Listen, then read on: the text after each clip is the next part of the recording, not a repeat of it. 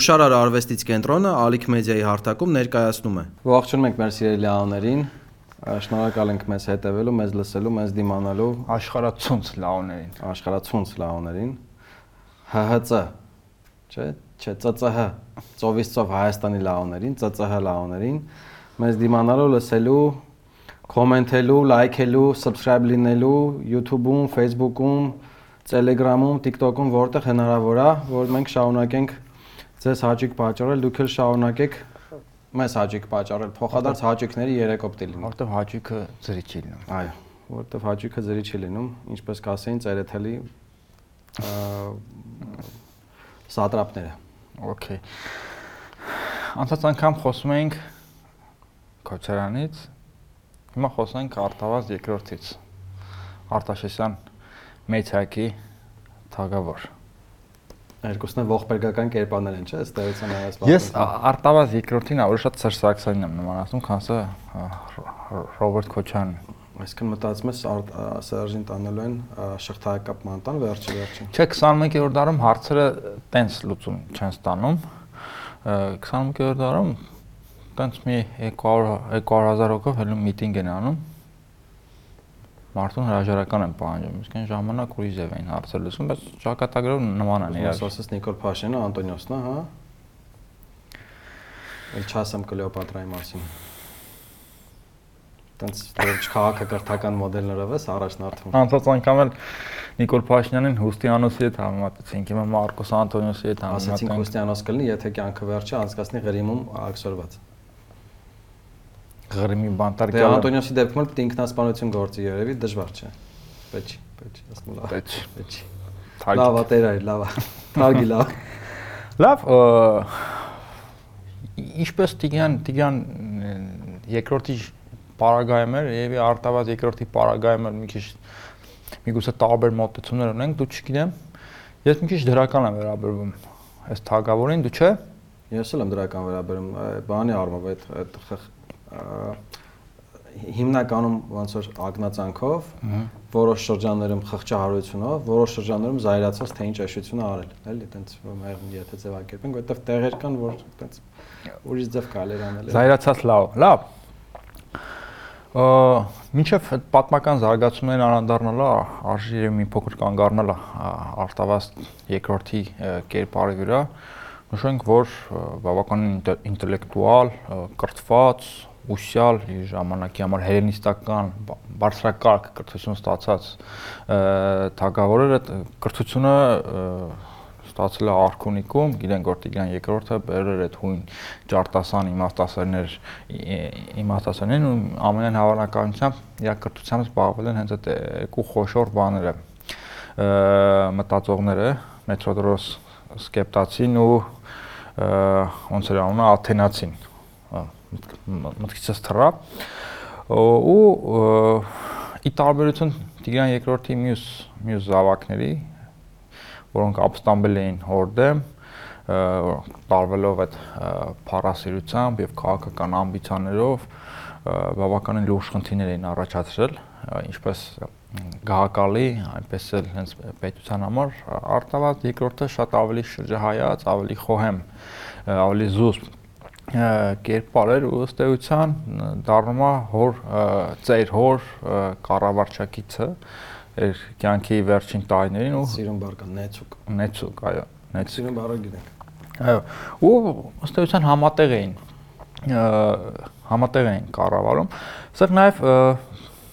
մի փոքր խոսենք աշխարհակահաղական իրավիճակի մասին՝ տարբերություն Տիգան 2-րդի Արտավազդ երկրորդի համար միջազգային դրությունը այդքան էլ բարենպաստ չէր, եթե հիշենք, երբ որ Տիգրան երկրորդը նոր-նոր ստանձնում էր գահը,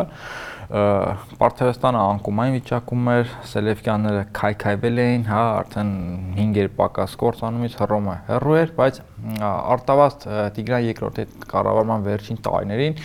տարիներն ու Արտավազ երկրորդի կառավարման սկիզբը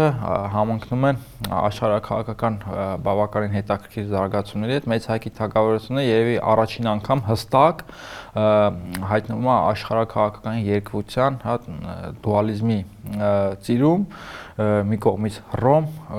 մյուս կողմից Պարթեստան, ՀԱՊԿ կամ ՆԱՏՕ, չէ։ Դրանից առաջ երբեք sense հստակ տարանջատում չէր եղել, որ մեծ հայկի թագավորությունը երկու խոշոր աշխարհակահաղական տերությունների արանքում լինի։ Արդեն Նեստիգյան երկրորդի կառավարման վերջին շրջանից ու Արտավազ երկրորդի սկզբից այս ամեն ինչը դառնում է շատ հստակ։ Մի կողմում Պարթևստան, այն մյուս կողմում Սասանյան Պարսկաստան ու այս ու այս դժբախտ կացուցածևը դժբախտաբար մեզ հետապնդում է հետագա մեր ամբողջ պատմության ընթացքում ընդཐུպ մինչև մեր օրերը։ Հատկապես մեր օրերը։ Հատկապես մեր օրերը։ Ապա, ապա Հռոմում Հռոմը դա անցում էր կատարում հանրապետությունից միապետություն, այդ process-ները ընթանում էին, խոշոր անհատականություններ էին իհայտ գալիս, դեռևս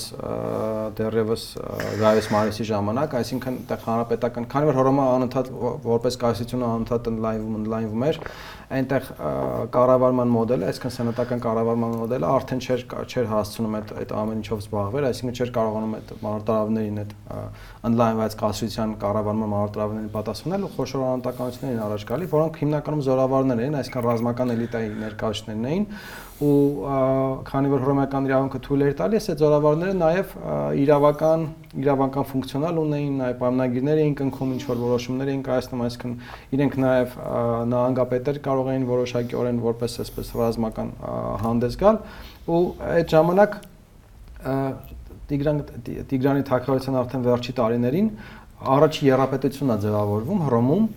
երեք խոշոր անհատականությունների միջև գնաց Պոմպեոսի միջև, որը Տիգրանին հաղթողներ, արևելքի նվաճողներ, արևելքի նոր ստատուս քվոյի ձևավորողներ, այսինքն այդ հարաբերությունները սաղ ինքներ կարգավոր է։ Երկրորդը, այսինքն գնաց Պոմպեոսը Հռոմի ամենահայտնի զորահավնատարներ ու շատ շատ ազդեցիկ քաղաքական գործ էր, որը իդեպ ողջ էր մնացել Սուլայի, Սուլայի այդ մսաղացներից, այդ մշակութային հեղափոխությունից Մաոյի տերմինով այդ այդ ընթացքում։ Երկրորդը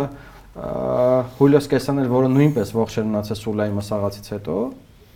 Հուլիոս Կեսարը նոր-նոր էր, նոր-նոր էր իր парքի, парքի ճանապարհը բռնել։ Ինքը դաշն ինքը դաշնակցել էր Պոմպեոսի հետ, աղջկան ամուսնով Կեսարի աղջիկ ամուսնացած էր Յուլիան ամուսնացած էր Պոմպեոսի հետ եւ երրորդ երրորդ կերպարը այդ Մարկոս Կրասոստը Հռոմի ամենահարուստ մարդն էր։ Հարուստ։ Բիզնեսմեն մարդ էր, ներկայիս մերկեքով բաժարնի բիզնես ուներ, այտենց իր ամենահայտնի բիզնեսն էր, ոնց էր հարստացել Կրասոսը։ Դե Հռոմը քանի որ 1 միլիոնոց քաղաք էր, ներկա մասշտաբներով այդ անպատկերացնել է այդ շրջանը համար, էլի 1 միլիոնոց քաղաք, կլասիկ մեգապոլիս էր, տները խիտ-խիտ իրար դե փեդից քարից բան սարկած Այս Կրասոսից գնում էր տները վառում էր ու բաժանի բրիգադները գնում ասում էին փոխտու հանգցնենք, չէ կարա սա վառվի գնա, այսինքն տենց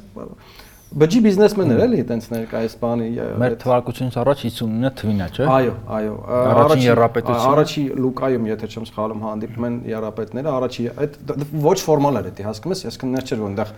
հռոմեական սահմանության մեջ երկրորդն է դառնում պաշտոնական։ Այո, այնպես չի որ հռոմեական սահմանության մեջ այտենց կար որ կարելի առավոտություն կազմեիր ու բաժանում են տերությունն ըստ տերության։ Այդ կեսարը գայլանա ստանում ու ինքն դեղ արշավանքներ անում ինքն դեղ զորավնատար էր ուզում էր Պոմպեոսի ռազմական փառքը ստանալ Պոմպեոսը բնում է Հռոմում եւ ստանում է նաեւ Իսպանիան Իսպանիան Աֆրիկայի մի մասը որպես իր ազդեցության գոտի իսկ Կրասոսը Կրասոսը ստանում է արևելքը ու քանի որ Կեսարն էլ էր արդեն հայտնի զորավնատար Պոմպեոսն էլ էր արդեն հայտնի զորավնատար իսկ Կրասոսը մենակ փող ուներ այտենց բուրժուա էր էլի տենց բան։ Ամբիցիոզ։ Հա, բայց ամբիցիոզ էր ու Հռոմում, բայց եթե դու լուրջ զավանանտար չէիր կամ սա նրան չէր ջարդը փշե, քեզ քեզ բանատեղ չէին դնելու, տենց Կրասոսը որոշում որ Պարթևներին ջարդելով, արևելքում Պարթևների նկատմամբ հաղթանակ տանելով ինքն էլ կհավասարվի հասնել Մակեդոնացու այո, ինքն էլ կհասնի Պոմպեոսին ու Կեսարին, ինքն էլ կդառնա տենց փառահո, փառահո Հնդկաստան հասնել, բայց եթե հասար Արշավանքին ուրիշ բան չունես, չէ՞, ասել Արշավանքին, ինչեւ Արշավանքին հասնելը, ես ուզում եմ երկու խոսք ասել, մեծ հայքի ներքին ներքին դրության վերաբերյալ, որովհետև այս շրջանի պատմությունը միշտ նկարագրում են կամ ընդունված է այդպես նկարագրել, որպես արտաքին մարտարահավերների արկայություն եւ մեծ հայքի թագավորություն այդ ամեն ինչի կրավորական այդ ամեն ինչին կրավորական դիրքավորմամբ դիմագրավող, բայց այդ այդքան էլ տեն չի, որովհետև նաև արժի ուշադրությունը սևեռան նաև ներքին բավականին բարդ իրադրության վրա։ Եթե համեմատենք Տիգրան Տիգրան երկրորդի ժամանակ Տիգրան երկրորդը ժառանգեց տնտեսապես զարգացող, ինստիտուցիոնալ կայացած, բավականին հա լուրջ պոտենցիալով թագավորություն։ Այլ էր իրավիճակը արտավազդ երկրորդի ժամանակ, Ճիշտ է, էլի պետությունը բավականին լուրջ պոտենցիալ ուներ, բավականին լուրջ ներուժ ուներ, բայց կային դրճագույն ներքին խնդիրները, որոնք ազդում էին նաև արտաքին մարտարավերին դիմագրավելու դիմագրավելու գործընթացի վրա մեծ հակի թագավորությունը քայքայվել էր տնտեսապես ընդհանրապես Հռոմի արտաքին քաղաքականության հիմնական գծերից մեկը որն էր։ Իրանք ում հրշակում են բարեկամ եւ դաշնակից իրականացնում են սննկացման, բարեկամին եւ դաշնակիցին սննկացման անգամից ԵԱՏՄ են մտցնում, հա, էլի։ Սննկացման քաղաքականություն, այսինքն ամեն ինչ անում են, որպեսզի ինքը տնտեսապես չկարանա վերականգնվի։ Շատ մասնագետներ Պարթևստանի անկումը ու Սասանյանների հեղաշրջումը դիտարկում են հենց այս համատեքստը, որովհետեւ իրանք 5 անգամ գրավել էին Տիզբորնը ու Սոսկալի Թալանի էին ենթարկել ու այդ տնտեսական քայքայումը հանգեցրել է նաև քաղաքական քայքայման, ինչպես հիմա, այնպես էլ հին աշխարհում տնտեսությունը տնտեսությունը ամենակարևոր գործոններից մեկն է, չգիտեմ ինչի միշտ ստվերվում է, ինչ էին արել։ Լուկոլոսը գրավել եւ թալանել էր Տիգրանակերտը, հա, զինվորները սոսկալի թալանի էին, թալան էին իրականացրել, դա անհաշվելի կորուստ է, բայց այն ժամանակ այդ եւ արխայական գանձերն էին թալանել, հետո մծբինը, հետո արդեն Մարկոս Անտոնիոսը արտաշատի գանձերն է տանում, այսինքն տնտեսական հսկայական վնասներ էին հասցրել։ Ֆրանսիա արտաշատից նաեւ հիշվում է, որ երբ որ Անտոնիոսը գերեվարում է արտավազդին, սկզում արծաթից բաներով, կապանքներով, սա Հայաստանը մանատալի Բերդբերտ ասում այս ադրթական փրկագին, փրկագին։ Հա, այսինքն պատկացեք արտավազդին կապած այտենց մաներ տալի փողեր հավաքում բերթերից ամեն։ Հետո մեծ մեծ կորուստեր հասվեր ծոփքի գանձարանի, որտեղից ռազմատուգանք պետքա վճարվեր Պոմպեյսուն։ Մի խոսքով, այն ժամանակ տնտեսական կապերը մի քիչ ուրիշ էին։ Մեծ հայկի թագավորության եկամուտի հիմնական աղբյուրը արտաքին առևտուրներ, իսկ ներքին տնտեսական կապերը այդքան էլ զարգացած զարգացած չեն, այդ մեծ ծավալ էր մեծ ծավալ ուներ այդ բնատնտեսությունը։ Մի խոսքով, տնտեսապես այդքան ինքը զարգացած չէր, բայց այդ կայսրության ծիրում հսկայական գանձեր էին կուտակվել եւ եւ դրանք էին, հա, սպասարկումը տնտեսական հարաբերությունները եւ դրանց թալանից հետո եւ Տիգրանը Հագին գումարեր վճարել Պոմպեոսի բանակին անցած անգամ դրա շուրջ մի քիչ վիճեցինք, հետել էր, բայց հսկայական, հսկայական գումար։ Այս տնտեսական ճգնաժամը հանգեցնում է կամ ել ավելի է խորացնում քաղաքական քաղաքական ճգնաժամը, որովհետև երկու ավականների տեսակներ կային, տոհմիկ ավականին, որոնք հենց Երևանի ժամանակից գալիս են այդ հին նախարարները եւ ծառայողական ավականին, որոնք բյուրոկրատիան, էլի։ Հա, բյուրոկրատիան եւ սրանք անդադ ամեն մեկը ուներ իր պահանջարկները, ամեն մեկը ուներ աշխարհակաղակական իր օրիենտացիան, օրինակ տոհմիկ ավականին ավելի շատ ուներ պրոպարտևական օրիենտացիա, քանի որ ավանդույթներով, բաներով իրար հետ մոտ էին, իսկ օրինակ այդ ռազմավարչական ավականին կամ ծառայողական ավականին ավելի պրոհռոմեական օրիենտացիա ուներ։ Նաև մեծ ուրիշ բան էլ ասեմ ու խոսքը փոխանցեմ քեզ կայսրության անկումից հետո ուժեղացել էր տոհմիկ ավականին, իսկ այդ կայսերական կամ այդ ծառայողական բյուրոկրատիան ճգնաժամի մեջ էր հայտնվել, քանի որ կա կայսերական բյուրոկրատիա, բայց կայսրություն չկա։ Այսինքն իրա ուզածն ինչա, անդադ ինքը պետքա ուզենա պատերազմներ, պետքա ուզենա նոր թալան, նոր տարածքների յուրացում, մի խոսքով բավականին բարդ քայքայված իրավիճակում էր մեծակի թագավորությունը, ինչպես ոչ կար տնտեսական միասնություն, ոչ քաղաքական, գանձերի մեծ մասը թալանված էր եւ սա լուրջ լուրջ խոչընդոտ էր դիմագրավելու համար արտաքին մարտարավերներին վերջի նույնիսկ վերջի տարիներին այդ Տիգրանի կառավարման վերջի տարիներին մինչև Պոմպեոսի նազանդեցումը դե ֆակտո քաղաքացիական պատերազմ էր երկրում այդ այսքան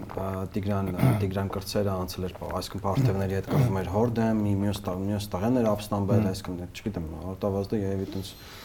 ֆենոմենալ հորը սիրելա, որովհետև տենց երբ որ բոլորից մենակ դու ես արդ կողքանում, այդ պատկառանքի արժանի քայլ է, էլի մանավանդ այդ վիճակում, երբ որ չգիտես էլի Տիգրանը կհաղթի թե չէ կամ այդ ստատուս կո ոնց կմնա Կրասոսը կրասոսը այդ այդ հովերով, որ պիտի գա ինքը նոր արևելքի նվաճողը լինի, նոր մակեդոնացի լինի, գալիս է ասորիկ։ Աղբյուրները աղբյուրները հիմնականում Պլուտարկոսն է, Քրիստոսից հետոյի շրջանի պատմիչա Պլուտարքոսը, Քրիստոսից հետոյի առաջի դար, հիմնականում Պլուտարքոսն է ասում դե բաներ, բիզնեսմեն ապի էր, լավ փողատեր էր, ոչ մեկին բանի տեղ չէր դնում, բոլորին համար մեր Պողոսներ, ինչ որ Ծերակույտը չէր արտոնել։ Հա, հռոմեական սենատը չէր ասել, որ գնա պատերազմի, բայց ինքը որոշել էր, որ պետք գնա կռվի, էլի։ Տղոն վերցնում է գալիս է լեգիոններ հավաք։ Մի բան է, հիշենք, որ բանը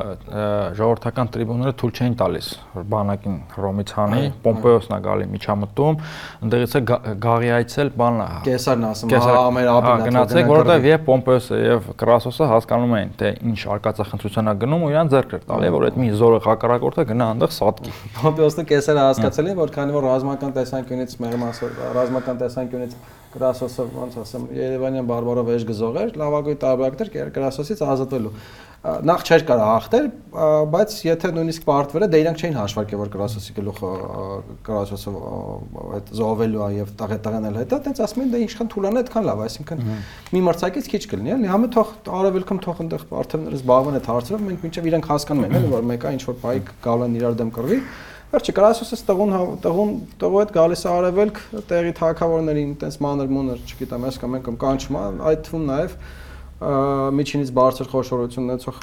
ասենք մեծ հայքին էլի տարածաշրջանային կշռ ունեցող մեծ հայքի թակավորին արտավազն է կանչում արտավազը Պլուտարքոսից հասկանում են որ արտավազը իր կամքով է գալիս հա հա արտավազը իր կամքով է գալի մի քանի բան կա երևի նախ ուզում էր հասկանալ թե Իրանից ինչ է ներկայացնում Կրասոսը ինչ ռեսուրսներ ունի ինչ է մտքովացնում Առաջարկում է, որ զենք զորք, զենք ամեն ինչ կտրամադրի, ռեսուրսներ կտրամադրի, բայց այսքան նախ ասում որ այդքանը կտրամադրի, զորք զենք այլ ռեսուրս, բայց մի խնդրանք ունի, այսքան առաջարկություն անում, ասում է Հայաստանը Վարշավ էլի, որովհետև եթե Միջագետքը Վարշավ է, Ստապաստաններով պարտեվական այրոդին, որ այդ բային երևի այդ օիկոմենա է, էլի բնակելի աշխարհի ամենահզոր հեծելազորներ ուղղակի լեգիոնները թումում կուտեն, որովհետև հռոմեական բանակը հիմնականում լեգիոններից էր բաղկացած, հետևակ էր, իսկ վարդևներինը ծանրազան հեծելազոր էր, որը հենց նախատեսված էր տափաստանների համար, էլի վերջը, տենց կրասոս ասма չէ դու, չգիտես, ապեր զորքը բանը կղրկես, ես գիտեմ ոնց եմ անելու։ Դե դեմից որ կրասոսը նոր էր եկել, թեթև մանր-մունուն արշավանքներ է կազմակերպում բարթևական տարածք, մի երկու քաղաքը գրավում բանման, իրան իմպերատորը արշակում, իմպերատորը հռոմեական իրավունքով այդ բարձրագույն ռազմական կոչումներ, էլի տիտղոս էր ինքը։ Արտավազդասմա, բայց որ մեծ հայկով գաս այդ Վարդևների հեծելազորը մեր սարերը առանձնապես ընդ մանևրի տեղ չունի, ես ասում չէ, ոբշեն։ Դու զորքը գրգի, ես ոնց պետքա, ոնց պետքա, ճիշտ պետքա գիտեմ։ Ոնց պետք էր, ճիշտ պետք էր գիտեր, արդյունքում Կրասոսի նտողն խառանի մոտ սպանում են Քրիստոսի 53 թվին, Կրասոսի ու Պարթևները քանի որ գիտեին, գիտեին, որ Արտավազդը հանդիպել է Կրասոսին ու վախենում էին, որ Արտավազդը կարա դաշին կազմի Կրասոսի հետ։ Կրասոսի արշավանքի հենց սկզբում Պարթևները հարցակում են Հայաստանի վրա, Օրոդես արքան Պարթևական հարցակում է Հայաստանի վրա, այն այն բանով, որ համ կճնշի Հայաստանը, համ նաև թույլ չի տա, որ Հայաստանը նույնիսկ տեսականորեն պոտենցիալ իր ռեսուրսների մի մասը կողի կրասոս կողարկի կրասոսի Արտավազդը օգնություն է խնդրում կրասոս։ Այո, այո։ Արտավազդը օգնություն է խնդրում ինչա խառանիճակ տամարտը կրասոս ասում աղբեր հա, չէ, ասում հարցակվել են վրես, կամ ինձ հասի օգնի, կամ սպասի մինչև ստե տնամ ինչ եմ անում, կամ քեզի կօգնեմ։ Սկսում է սպառնալ։ Այո, ասոս ասում է, հեսա պարթևների հարցերը լուծեմ, գալու եմ քո հարցերն էլ լուծեմ, բայց օրոդոսը արդեն հարցակված է լինում, արտավազդը բարի շմա օրոդոսի հետ, իսկ դաշինք են կնքում քրոջը, այսինքն Տիգրանի դստերը ամուսնացնում է Օրոդեսի երիտասարդ ջալդղեր էլ, երիտասարդ Թագաժարանք Բակուրի հետ, այդ հայտնի պատմությունը կա, այդ հայտնի պատմությունը կա, որ Արտաշատում Յասոն, Յասոն դերա ողբերգակ դերասանը, չգիտեմ, Եվրիպիդեսի Բաքոսուիններն են, Բաքոսյուններն են բեմադրում ու այդտեղ նահանգապետը, այդ միջագետքի նահանգապետը Պարթևական Սիլակը բերում է գրասոսի գլուխը շփրտում ու նույնիսկ այնտեղ աղբյուրներս են ներկայացնում, որ տղեկը այնքան ուրախ զվարթ, այնքան լավ քեֆի մեջ են, որ նույնիսկ չեն նկատում այդ բանը, որ sense։ Ու նաև վստահ են իրանց ուժերին, որովհետև դե հաշվարկել էին, որ գրասոսը այդ այդ գրասոս նորմալ ռազմական հետևից բան, պատրաստություն չէր տեսել, նորմալ հետախուզական գործունեություն չէր ունեցել եւ դե ֆակտո չգիտերել պարթևներ ինչքան զերկ ունեն, վերջը Սուրեն Զորավարը, Պարթևական Սուրեն Զորավարը, որը իր տոհմի կոչմով երկրորդն էր Պարթև արշակույներից հետո, այդ օրոդես արշակույն էր էլի, զուտ հաղթանակ է տանում,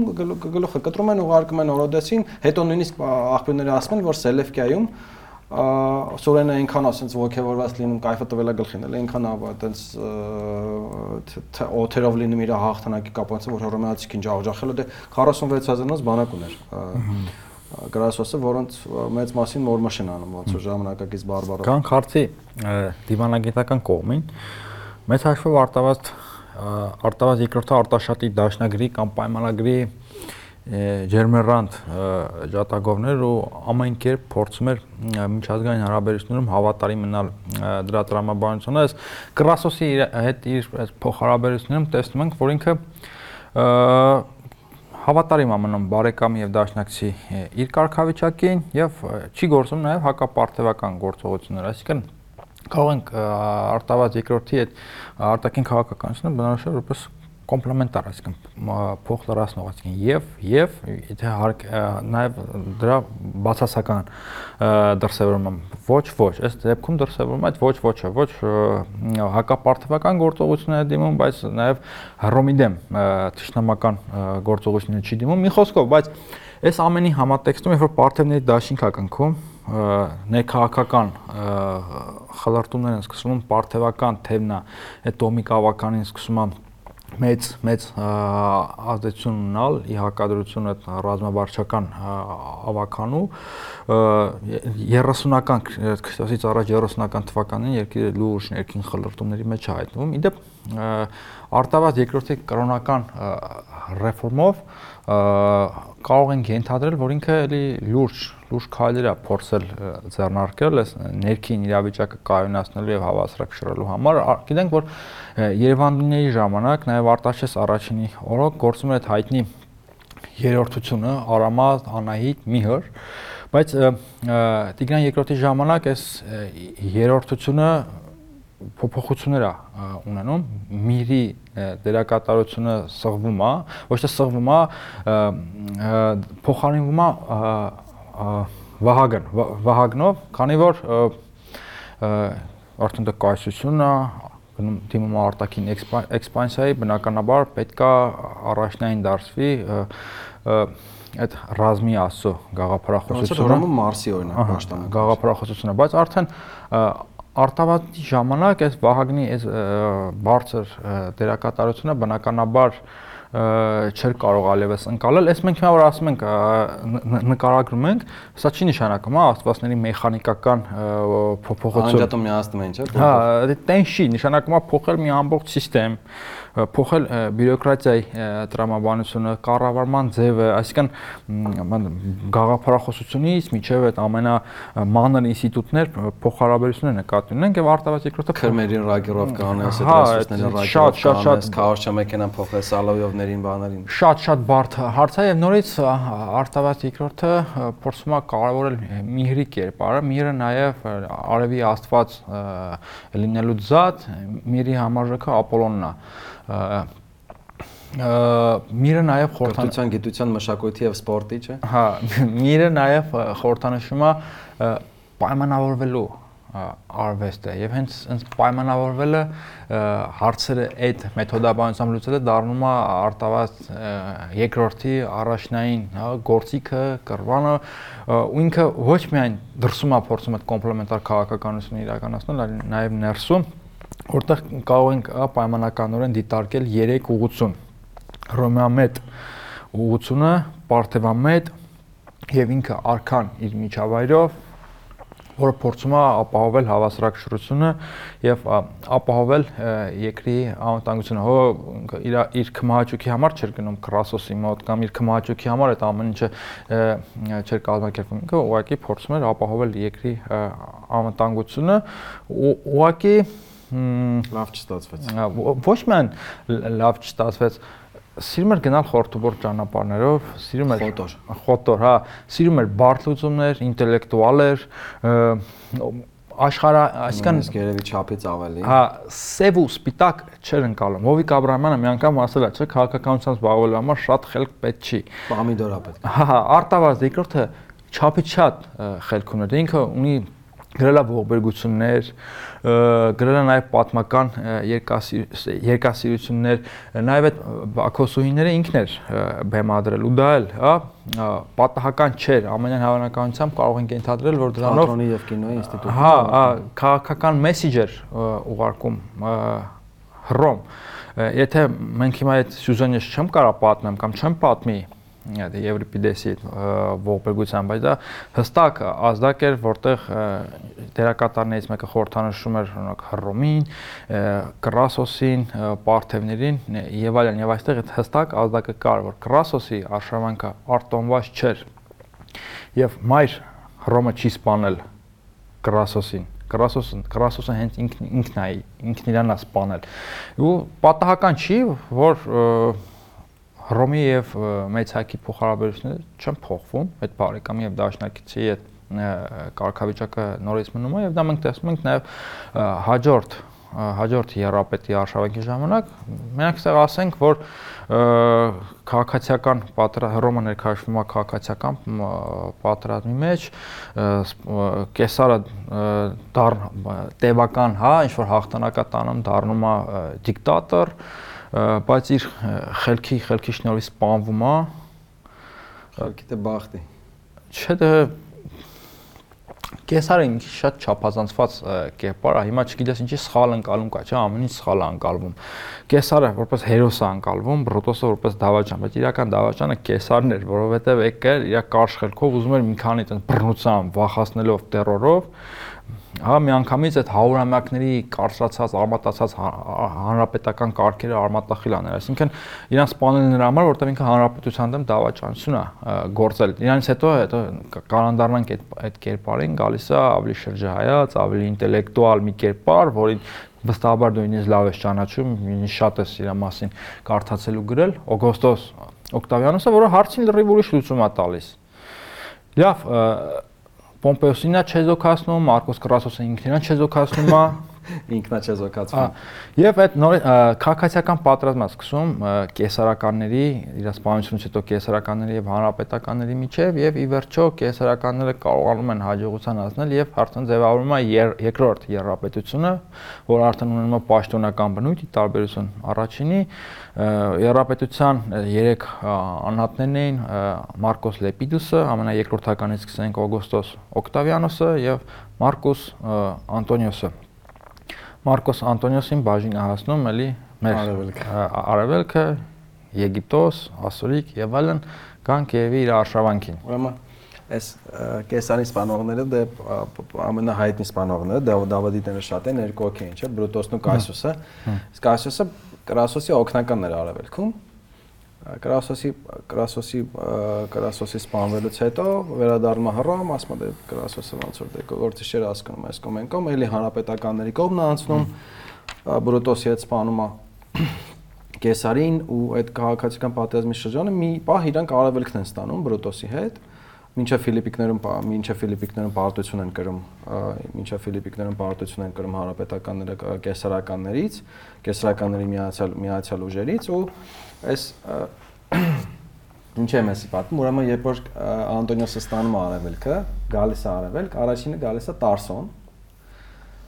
ու ոնց ասեմ որ մեղ մեղ մնչի կազարանա կանչում Տարսոնում Կլեոպատրային դե Կլեոպատրան ինչավ էլ կեսարի սիրուհին էր, երբ որ հիմա երբ որ արևելքը ամբողջ տերությունը անցել էր կեսարին, հիմա մերն էր, չէ՞ Տիգրանի հետ առնչվել։ Հա, մերն։ Հա։ Հորը Տիգրան Մեսներ իշխանության բերել։ Կլեոպատրայի հորը Տիգրան Մեսներ իշխանության բերել, ուրեմն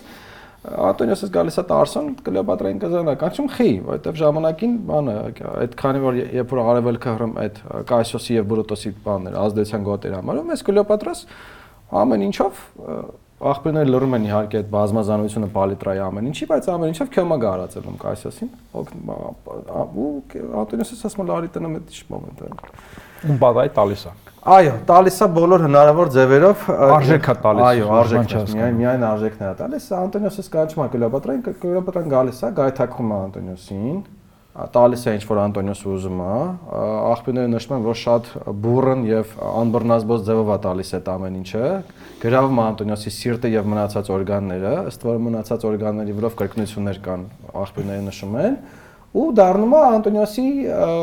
կինը, ընդ որում այդ հռոմեական պատմության մեջ դա սկանդալ էր, որտեղ Անտոնիոսը այդ ժամանակ ամուսնացած էր, ամուսնացած էր Օկտավիանոսի քրոջ հետ օրինական երեխեք ունեին բանին, այս Անտոնիոսը ինչ որ մի հատ Չոլի Կլեոպատրա գտնում, այդ հռոմեական իր կնոջը բան խայտարակում ա մի հատ ամենավերջի ձևերով ու Ալեքսանդրիայում իրանց համար հովզով լրված է լինում։ Չորու չաթլա խարաբերություններ։ Այո, երեխային ունենում բան, չգիտեմ, կեսար երեխուն են տողուն են մեծացնում բան, ինչ որ արևել քարտեն կիսում են իրանց մեջ, իրան Երևակայում է նոր բան, նոր Ալեքսանդր Մակեդոնոս։ Դիոնիսիոս արևելքի։ Այո։ Մարկոս Կրասոսը եթե բռնապետի դիրքավորման բեր Ազատարար էր, Անտոնիոսը Անտոնիոսը որպես ազատարար արևելքի Դիոնիսիոս, բայց ոչ ոչ պակաս Բայց ի տարբերությունը Մարկոս Կրասոսի Անտոնիոսը քանի որ սաղ կյանքը մեծացել էր, սովորել էր եւ եղել էր կեսարյան նամատերիմներից մեկը, ինքը էլի ասկնա, պարթևների վրա արշավելու արշավելուն այդ հակված էր այսքան այդ պլանները ուսումնասիրում էր, բայց ու նաև աղբյուրները նշում են, որ արխիվը Կեսարի անցել էր Անտոնիոսին, այդ այդ արխիվից ու նաև ոչ ուղակի նշումներ կան որ կեսարը նույնպես պատրաստում էր արշավերը արևեր Գևային որտեվ իրան հանգիստ չէր տալիս այդ Պոմպեոսի արևելքի նվաճողի Եվ մանրամասն ուսումնասիրել էր Կրասոսի փորձը ու որոշма որ ոնց որ թե արտավազդը դուզ էր ասում Կրասոսին մի մի 10-20 տարի առաջ որ պետքա Հայաստանի մեծ հայքի վրա այո մեծ հայքի վրա արշավել արտավազդի արտավազդին էլի կանչում մոտը արտավազդը գալիս այս անգամ ավելի քիչ զորքա խոսք տալիս ավելի քիչ զորք ու ռեսուրսա խոսք տալիս։ Բայց այստեղ մի հատ կներ ասել եմ մի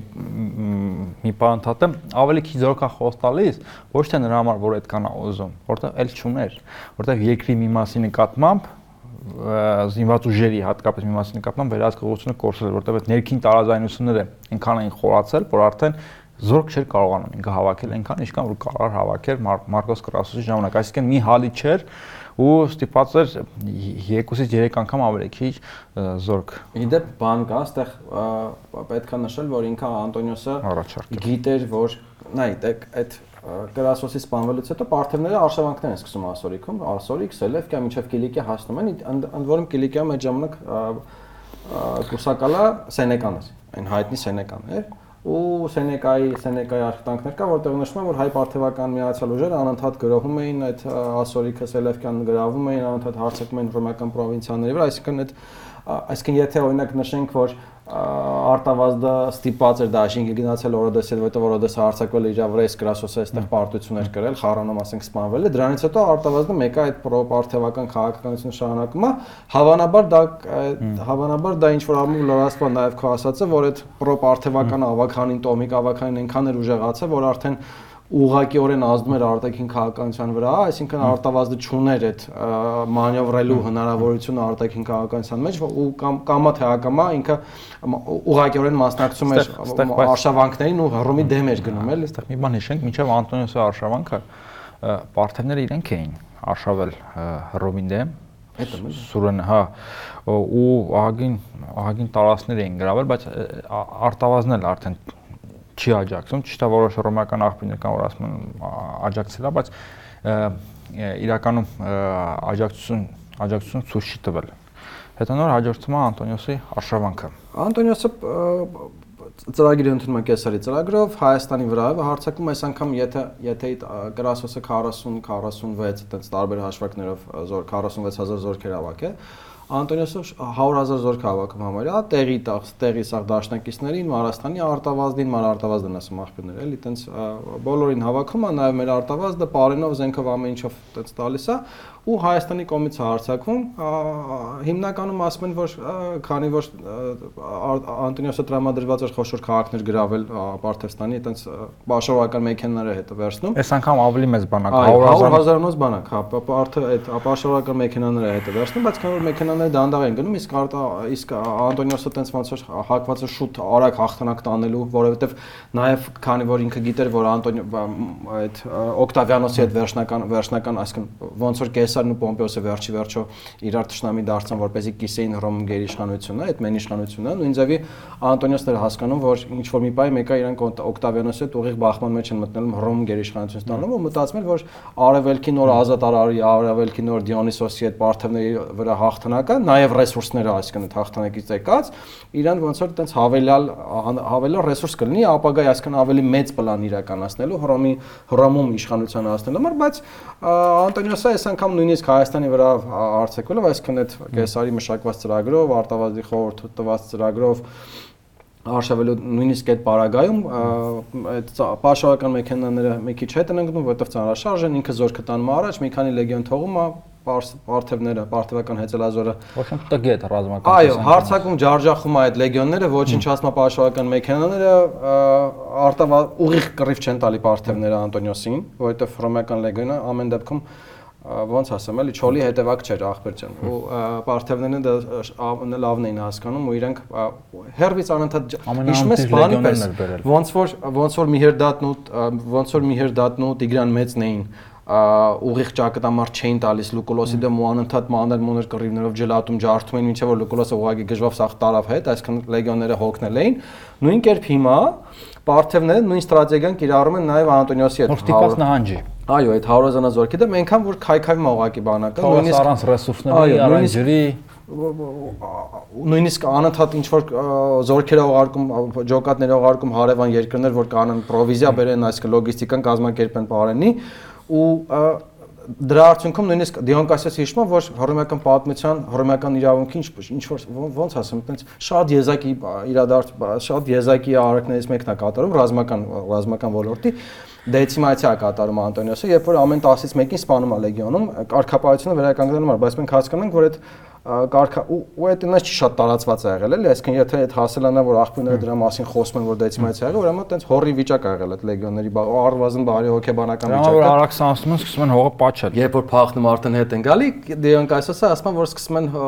սպասի այդ հատվածը հատուկ հանել եմ լավ ասացիր։ Ես այդ տակիտուսից եմ հատվածն անել, բայց միջև հետը միջև դու դա հիշես, ես հիշեցնեմ, որ ուրեմն ասում եմ, երբ նրանք բարեհաջող անցան գետի մյուս ափը, այսինքն այդ ջարդվելով հետ եկան, մտան մեծ հայքի տարածք,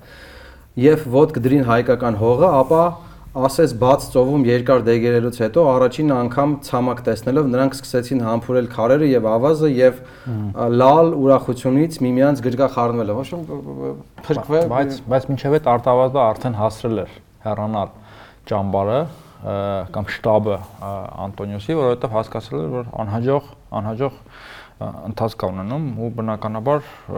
պետքա թողներ գնար ու էլի այստեղ էլի այդ իր այդ եւ եւի ոչ ոչի քաղաքականությունն է դրսևորում, էլի թշնամական գործողություններ չի գնում Պարտևների նկատմամբ, բայց Ռոմենը ասում է ես բարեկամ եմ եւ դաշնակից։ Հարցը իմ մոտ կա, երբ որ խոսում ենք սկզբից, այդ հարցի մոտ կա արտավազդը խիչի ջաղ խիչի ջարդում Անտոնիոսին հետ գալուց հետո, երբ որ հետ է գալիս, մանավանդ որ աղբյուրներ կան, որոնք նշում են, որ արտավազդը հերավար այսինքն համակարգական կապի մեջ էր Օկտավիանոսի հետ, Անտոնիոսի հիմնական ճշնամը, էլի, որովհետև Ես իմ ռեսա հետո գալու քո վրեժելուց էլի ոնց որ կրասոսներ է ասում բարթևների հարցելուց եմ գալու քո հարցելուց եմ Ես հիմա ինչի իրան ամենասկզբում համեմատեցի Սերժի հետ որտեվ ինքը դարձավ իր գաղափարախոսություն դարձել էր ինքն իր գաղափարախոսության պատանդը ինքն իր ֆրիկների պատանն էր դարձել անդադ ուզում էր ֆրցներ տաներ բերել որովհետև ավելի ուշել կուկուլ կուկու մի հատ ունեներ կարող հարցերը լուծեին ավելի ուշ է կտեսնենք որ երբ որ ընդդիմությունը արդեն երկրի ներսում արդի տերմիներով ասենք իրան խեղդում էր ինքը կարող Անտոնիոսի ռեսուրսները օգտագործել ընդդիմության հարցերը լուծեր բայց ել ինքը նորից դրան չի գնում այսինքն ամեն ինչ անում է որ իրան սպանեն Էլի պատանդն է դառնում ինքն իր այդ բարդ սխեմաների, ստրուկտուրաների։ Երբեմն այդ բարդ ստրուկտուրաները, սխեմաները պետքա դնես մի կողմ, բարձ որոշումներ կայացնես։ Նորմալ մարտի մեկ անես չէ, նորմալ իր 10 զոհով ամեն ինչով ջարդով փշրով չէ։ Այսինքն հա ինչ որ անդադ ֆրցնում, ֆրցնում, ֆրցնում ու դառնում է ինքն իր պատանդը։ Ինքն իր ինտելեկտուալիզմի պատանդը։ Ну, ես այտենց միանշանակ այդ այդ ինտելեկտուալիզմի պատանդ, որովհետև նույն այդ ինտելեկտուալը Կրասոսի մայից հետո անընդհատ ոնց որ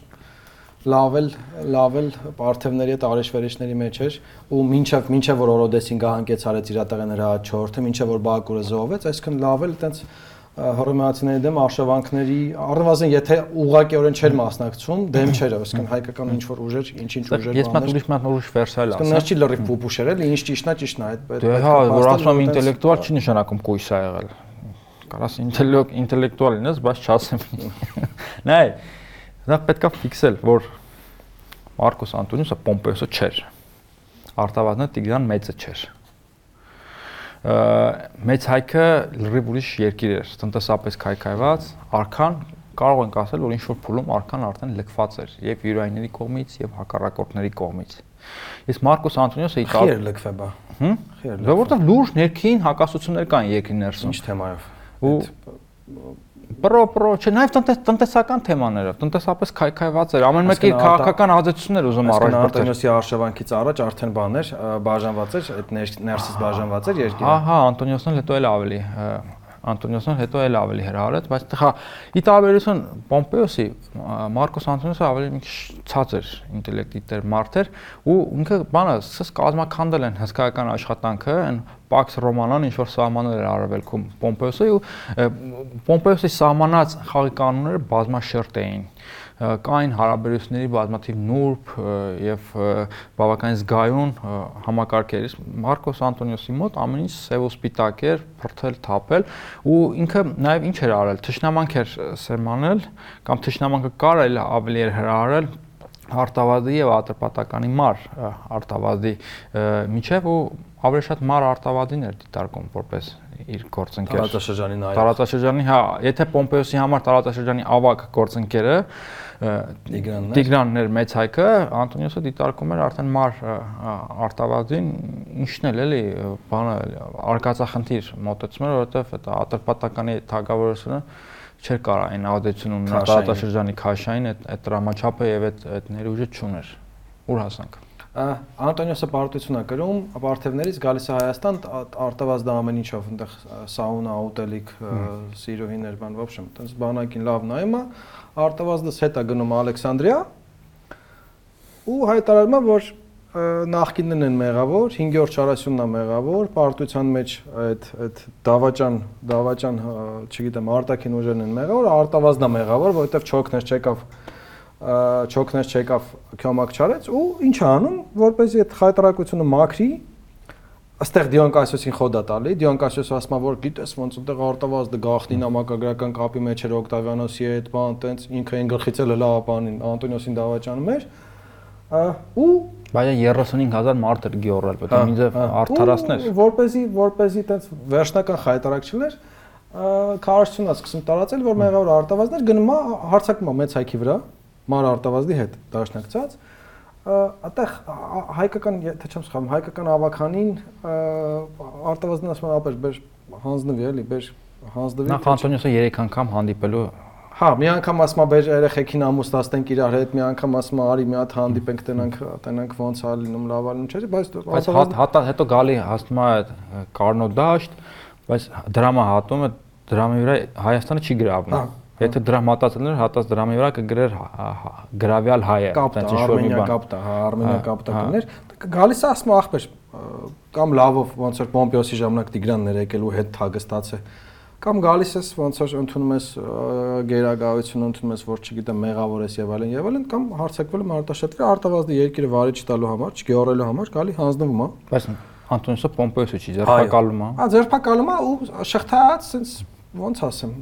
մեղմ բառը չկա էլի, տենց ասեմ։ Ամրոցից ամրոց շրջում է, ասում է փրկագին վճարեք ձեր թագավորի։ Ամբողջ Հայաստանի տենց ինչքան հնարավոր է, ինչքան հնարավոր է հարստություն հավաքում, արտավազդին ամենավերջի արտավազդի պես մանա տալիս այդ ամրոց ամրոց։ Բերում է Եգիպտոս, հաղթանդես է անցկացնում, ինքն ու Կլեոպատրան դե աստվածներ են, արևելյան լավագույն մի բան կներես, հազար անգամ կներես։ Ռոմի պատմության մեջ առաջին անգամ Ռոմից դուրս հաղթահանդես։ Դրա պատճառով ծերակույտը թշնամի է Արկակոմ Անտոնիոսին, ասում է, դու հիվանդ ես, դու արա, ինչ ես։ Մենակ Ռոմ կարա հաղթահանդես։ Ու հրճակվում է թշնամի։ Այ դե բանը, ես որ Օկտավիոնոսն եմ, Օկտավիոնոսը մաքսիմում այդ քարոշցին օգտագործում է ու անթա ցույց է տալի Հռոմում Օկտավիո, քանի որ Օկտավիոնոսը Հռոմում եմ, Օկտավիոնոսը Հռոմում էր, ինքը քարոշցնից էր կառուցում, որ իրականում արտա բանը Անտոնիոսը տիրանն է, արևելքից այդ հռոմեական վախերի մարմնացում է, էլի արևելքի տիրանն է։ Դե Տակիտուսը նա ինչ է գրում տարիներ անց։ Ասում է մեծ հայքը վստահություն ունի Հռոմի նկատմամբ ի հետևանս Անտոնիոսի չարագործության, ով բարեկամության դիմակի տակ կապել էր արտավազդ հային, շղթայակապ արել, չէ, այստեղ ինչ էր արել, հա, լավ, շղթայակապ արել եւ հետո սպանել։ Հա Էլ ուզում կարդալ։ Չէ, ուրիշ ուրիշ հատված է, թե այնտեղ հայ հայու ոգին շունչը վեհացնող հատված կա, բայց երևի չկարդամ, թող շատ չվեհանան։ Արտավազդին երկու տղեկի Տիգրանի ու Արտավազդի հետ կնոջը գերեն բերում Ալեքսանդրիա շղթա ոսկի շղթաներով դե հատուկ աղբյուրներ նշում են էլի ոսկի շղթաներում տենց անցկա հաղթանդեսով անցկացնում են Կլեոպատրայի ու Անտոնիոսի դիմաց, բայց Դիոն Կասիոսն էլի ասում գլուխ չեն խոնարում, հպատակություն չեն հայտնում, տենց հպարտորեն թեև շախկապված անցնում են, ասում ամբողը սկսում են ակնածանքով նայել հայերին, բան որպես տենց որ չենթարկվեցին, չգիտեմ, չ չ ընկճվեցին, չնվաստացան նրանց առաջ։ Այդ ժամանակ իդեպ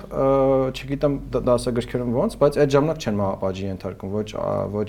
արտավազդին, ոչ կնոջը, ոչ կնոջը, ոչ իրանց երեխեքին։ Հա, ակցիոմի ճողամարտում, երբ որ արդեն Քրիստոսը 31 թին Հունաստանի ափերի մոտ Օկտավիանոսը հաղթանակ է տանում, այդ Անտոնիոսը հաղթում գալիս է Ալեքսանդրիա, դարդից ինքնասպանա լինում, դե այդտեղ ջոկել էր որ բանը բանից անցավ, բայց Կլեոպատրան չի հանձնվում։ Նամակները ուղղակի մար արտավազդին, ասում ախպեր, բանը օբշի ես, օբշի ես, ես կարող է իրար հետ ամուսնանանք մի հատ էլ ընդ Կեսարիա ամուսնացա չստացվեց, Անտոնիոսի հետ ամուսնացա չստացվեց, էլի մի հատ էլ հա, ասма կարող է իրար հետ ամուսնացնենք դաշին կազմենք ու քանի որ տարածաշրջանում մարարտավազդի հիմնական հակարակորդը հենց արտավազդն էր, այսինքն լոկալ ինչ որ էլի, ազդեցության համար, Կլեոպատրաս մարարտավազդի կենաց է, պատիվ տալու համար արտավազդին կնոջը սպանում է, երեխեքին չէ։ Այսինքն Տիգրանն ու Արտավազդին չի սպանում։ Խի գիտենք էս, որովհետև երբ որ Օկտավիանոսը արդեն գալիս է Ալեքսանդրան գրավում է, Կլեոպատրան հասկանում է, որ բանը բանից անցել է, ինքնասպան է լինում, Օկտավիանոսից, որը գերի հավաքելու սերուն էր, հատկապես բարձր կարգի գերի հավաքելու սերուն, վերցնում Անտոնիոսի ու Անտոնիոսի ու Կլեոպատրայի երեխեքին, Կլեոպատրայի ու Կեսարի երեխուն, Տիգրանի այդ արտավազդի երկու տղեկին, Տիգրանն ու Արտավազդին տանում է հռոմ գերի։ Խեմ ես ասում, որովհետև հետագայում Օկտավիանոսի հայկական քաղաքականությունը, արևելյան քաղաքականության հայկական ֆորմատի ժամանակ հետ աղարկում դրանց։ Աղարկում։ Բայց այդ ժամանակ մարարտավազդն է բավական ծանր ճակատագրի արժանանում պարտությունա կրում արդեն արտավազդի ворթուց, արտաշեսից։ Արտաշեսից, որը ըստ էության կարող են ենթադրել որոշ աղբյուրների ակնարկների ուղի խոսքի հիմա վրա չէ, որ գրավում է ատրպատականը, այդ շրջանում մեծակի թագավորությունը եւ ատրպատականը հա։ միավորված են լինում, բայց արդեն արտաշեսը արտավաստ չէր արտ պարթև կարանք ասել որ պարթևական միանշանակ կարանք եթե ենթակա չէր բայց առնվազն տենց այսինքն արտաքին քաղաքականությունը արդեն որոշում էր պարթևների բանով հա պրո պարթևականները ավելի շատ ցև ու սպիտակի կողմնակից էր արտավազդի նման այդ բազմա բազմա ֆունկցիոնալ քայլերի բազմա կողմանի քայլերի կողմնակից չէր երևի արդեն միտքները այդքան չէր կարող թույլ տալ բայց բայց որոշ դեպքերում միգուցե այտենց ավելի լավ է։ Դե բացի այդ բացի այդ Անտոնիոսն այնց էր վարեցանը մեծ հայքը այդ հատկապես արտավազդի գերությունը այդ ոչնչացումը այդ թալանը այնց վիճակի էր բերել, որ Արտաշեսը ուղակի պետք է կոպիտ ասած արտավազդի տեղն Արտաշեսը ստիպված պիտի ընտրեր ոնց որ կամ պետության ոչնչացման, կամ այդ ինքնիշխանության պահպանման, բայց օրինակ հապոքսիջանը Հռոմի բոլոր բոլոր ազդեցիկ այդ մտածողները հստակ ֆիքսում են, էլի, որ եւ Կրասոսի եւ Անտոնիոսի այս չարագործությունները ծանր հետևանք են ունեցել Հռոմի պատճառով, որտեղ իրանք էական էական կոլոսներ են կրել եւ տարածաշրջանի ժողովուրդներին, պետություններին իրենց դեմ ատելությամբ են լցրել։ Մի խոսքով ուզում եմ Արտավազ երկրորդի բնորոշող ամենադիպուկ ձևակերպումը մտ կարդամ Տակիտոսի նորից, ասում է գտնվելով երկու զորեղ տերությունների միջև հաճախ գշտվում հաճախ գշտվում են նրանց հետ հռոմի հետ առաջնորդվում են ատելությամբ իսկ պարթևների հետ նախանձով Այսինքն սա նաև ինչ որ առումով երևի ինքնություն է դառնում, չգիտեմ կհամաձայնես թե չէ, ու հետագայում անդադ անդադ էս ուղեկցում է այս աշխարհակաղակական երկվությունը մեզ, մենակ Կիլիկիայի ժամանակա մի բա, այնա, չէ, մի բա։ Մի մի բա, հա, փոխվում, երբ որ արդեն այս երկվությունը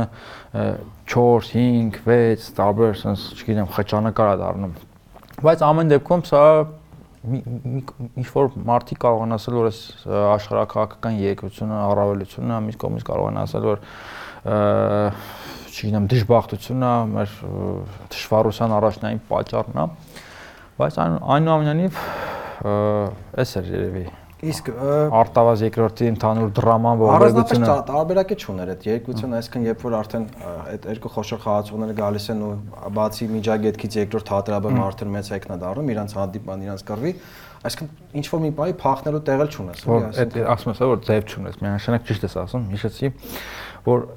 արդի Հայաստանի մասին ենք խոսում, չգիտեմ, հիմա ինչ որ տեխնոկրատական ազգայնականություն կա, ասում եմ, «Սա դե ինչ եք ուզում»։ Մի կողմից Թուրքիան է, մյուս կողմից Ադրբեջանը։ Մենք բոլորի հետ դի։ Բայց ասում եմ, «Խես տենց ասում Հայաստանն է Թուրքիայի Ադրբեջանի միջև»։ Կարողա Թուրքիան է Հայաստանի եւ Հունաստանի միջև պատկասթում ես։ Իշ մեծ բանի 44 սարի ժամանակ որ Հայաստանը, Հունաստանի, Կիպրոսի ու բանի հետ մինչև այդ շրջանում զորաբեր Կիպրոսի, Եգիպտոսի, Իտալիայի կազմում ինչ որ իշմս, ինչ որ։ Ընդ որում միջազգային աջակցությունը այդ շրջանում 44-րդ պատերազմի, եթե չեմ սխալվում, Հունաստանի միակ մարդը, որ այտենց հայտնի է եկել Հայաստան, Հունաստանի տոլի բանը նախարներ, տոլի փոխնախարարը, չեմ հիշում ինչ որ լավ է։ Այդ էլ գիտես ոնց, եկամ եմ Ֆրանսիայի դեսպանի պես ասեց, ես ձեր համար աղոթվում երկու հատ մոմ եմ վառեմ, երկու հատ եք թողեմ, եթե չստացվի մցրեք ավազի մեջ վառեք, այտենց Մի խոսքով Արտավաս, Արտավաս երկրորդը հետաքրքիր, ողբեգական, բավականին բարդ մեր միապետներից մեկն է որ կերպարը ինձ թվում է միջև վերջ բացահայտված չի, որովհետև տասնամյակներ շարունակ հետևելով խորենացու ավանդույթին իրան միշտ այնց բացասական գծերով են նկարագրել միանշանակ նոր նոր սկսում է այդ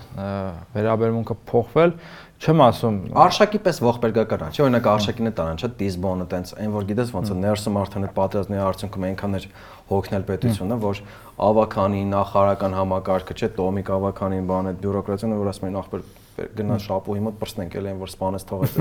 Հա նույն ձևի ոնց որ Արտավազդը այդ այդ առումով ոնց որ Արշակի նախերգանքներ էլի Արտաշեսյան թե կուզես Արտաշեսյան Արշակներ, երբ որ ու որտեղ վերքսնը գերին վերցում տանում են տեղել մեռնում են էլի տենց ու իրանից հետո տղեկ իրանցից թույլ են լինում ու երկիր ուղակի սենց գյորելով գնում է էլի արդեն դե այդ բոլոր այդ խոշոր բոլոր խոշոր արքաները ողբերգական ավարտ են ունենում էլի եւ արտավազդը եւ արշակը ուղակի Տիգրանի պես Տիգրանի պես հորից հետո այդ այդ կասյությունն ունենալից հետո ասենք Կլեոպատրայի պես չոլիկ այսրու մոտ սպանվես։ Լսի, դե գիտես ոնց։ Տաղանդա պետք է լի լուրջ տաղանդա պետք որ տենց ողբերգական ավարտես, որ տենց մեծ հայքի թակավորնես ու տենց ավելավոր կռվով մեռներ էլ, որ ապար գերինգն էլ։ Դե հա։ Անցած անգամ երբ որ խոսում ենք Տիգրան երկրորդի մասին, մոռացա ասել։ Տիգրան երկրորդի կայսրությունը մեծ հաշվով արհեստական էր։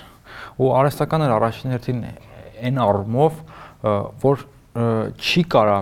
մետրոպոլյան ավելի հետամանած լինի, քան նվաճված տարածքները։ Չի չի լինում տենց գործ։ Երկար չի կարա ձգի։ Դե մոնղոլները մի քանի 100 տարի ձգեցին։ Դե կարա ձգի։ Դե մոնղոլների